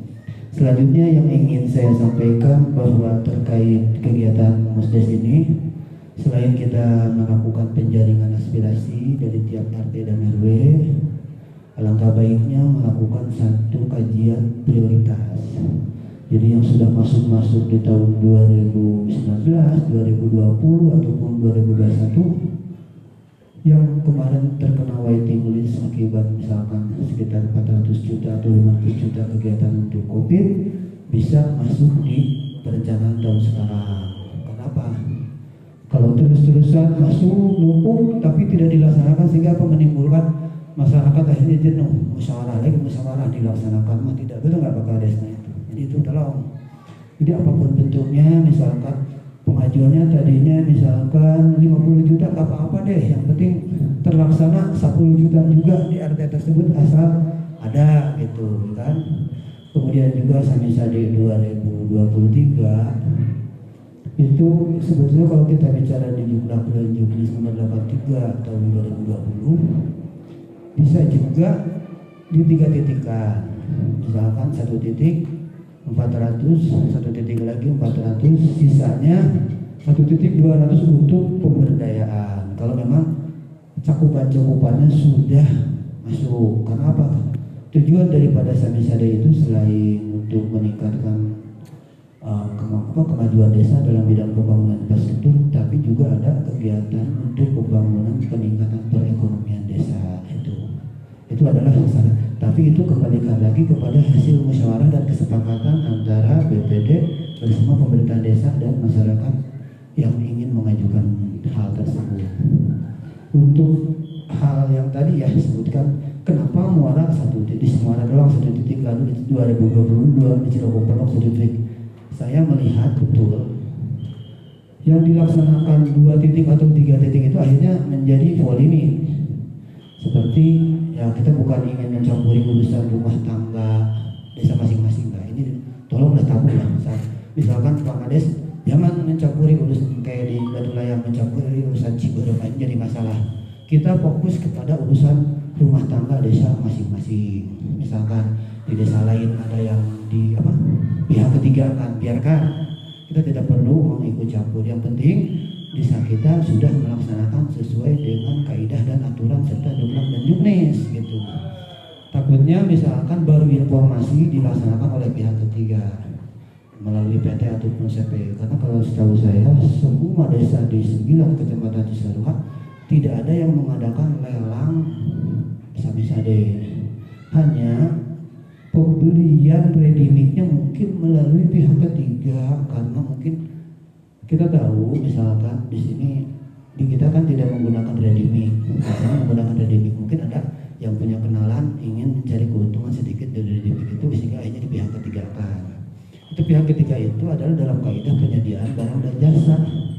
Tidak mungkin pihak desa sendiri punya perusahaan ready. Tidak mungkin pihak desa sendiri punya perusahaan penambangan pasir sehingga semua bahan-bahan kebutuhan untuk pembangunan di pihak ketiga kan melalui kaidah apa? Penawaran pada dua penyedia barang dan jasa karena kegiatannya di atas angka 200 juta. Kalau di, di bawah 200 juta langsung pada satu penawaran barang dan jasa gitu seperti itu. Itu adalah teknis. Nah itu harapannya. Jangan sampai menjadi polemik apa yang namanya rumah tangga desa lain di sini. Cukup kita melaksanakan rumah tangga desa masing-masing harapannya terwujud cita-citanya tercapai itu. Kemudian juga mohon izin saya hanya minta doa restunya. Menyampaikan ini di forum ini bahwa saya ingin melakukan kegiatan penyelamatan sungai Cisarua. Selaku pendamping kita dituntut selain mampu mendampingi desa juga punya capaian-capaian. Ada satu sungai yaitu sungai Cisarua dari desa Ciberem kemudian ke desa Citeko dan desa Popo ini ternyata penuh dengan sampah. Mudah-mudahan berkat dukungan dari Pak Kades, BPD juga dari Kecamatan Cisarua sungai tersebut 2023 sudah bersih dan normal kembali tidak ada sampah. Dengan cara penanganan sampah kita bekerja sama dengan tanah Sumeneb yang ada sekitar 22 hektar kita ambil 2 hektar untuk menjadi pusat pengolahan sampah di sana. Dan alhamdulillah diizinkan oleh para pengelola pemilik di sana gitu. Itu harapannya. Dan juga mungkin dari sampah tersebut bisa mudahan ya Pak Lurah ya retribusinya bisa menjadi PADS bagi setiap wilayah masing-masing gitu ya. Barangkali itu saja disampaikan. Kemudian juga alhamdulillah kemarin hari Jumat saya menjadi narasumber sebuah bumdes di bidang pariwisata pengembangan daripada Pongkon di desa Bantar Karet oleh salah satu CSR-nya itu dijadikan tempat pariwisata ala Jepang. Sehingga kalau mau ke Jepang cukup ke sana. Gitu alhamdulillah saya dijadikan narasumbernya untuk teknis pembuatan draft-draft retribusi yang digunakan oleh BUMDes. Kenapa kalau kita melakukan pengarcisan atau retribusi kepada masyarakat pengunjung tanpa ada peraturan desa itu merupakan publik.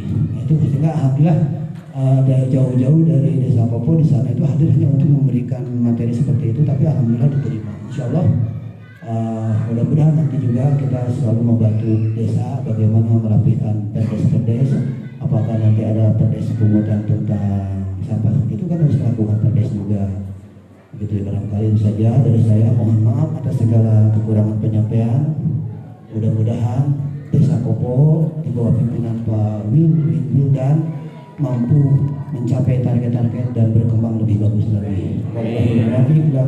Assalamualaikum warahmatullahi wabarakatuh. Terima kasih terima kasih kepada Bapak Iman Sukarya ya. Dan salah satu poin yang disampaikan yaitu bahwa dalam musdas ini agar melakukan satu kajian ya sebagai skala prioritas yang belum terlaksanakan di hasil muses di tahun-tahun kemarin. Ya, baiklah sambutan dari sambutan sudah kita dengarkan bersama-sama dan kita simak sama-sama. Terima kasih kepada Bapak Abi, terima kasih pada Ketua BPD, terima kasih pada Kepala Desa Kopo, terima kasih pada Bapak Iman Sukarya, ya, dan terima kasih pada seluruh hadirin semuanya. Uh, acara yang selanjutnya sebelum doa kita akan musyawarah. Artinya karena judulnya musyawarah desa, kita akan musyawarah perihal penyusunan RKPDes tahun 2022. Yang gambar garis besarnya adalah bahwa kita sudah ada PR di musdes yang sebelumnya yang belum terrealisasikan.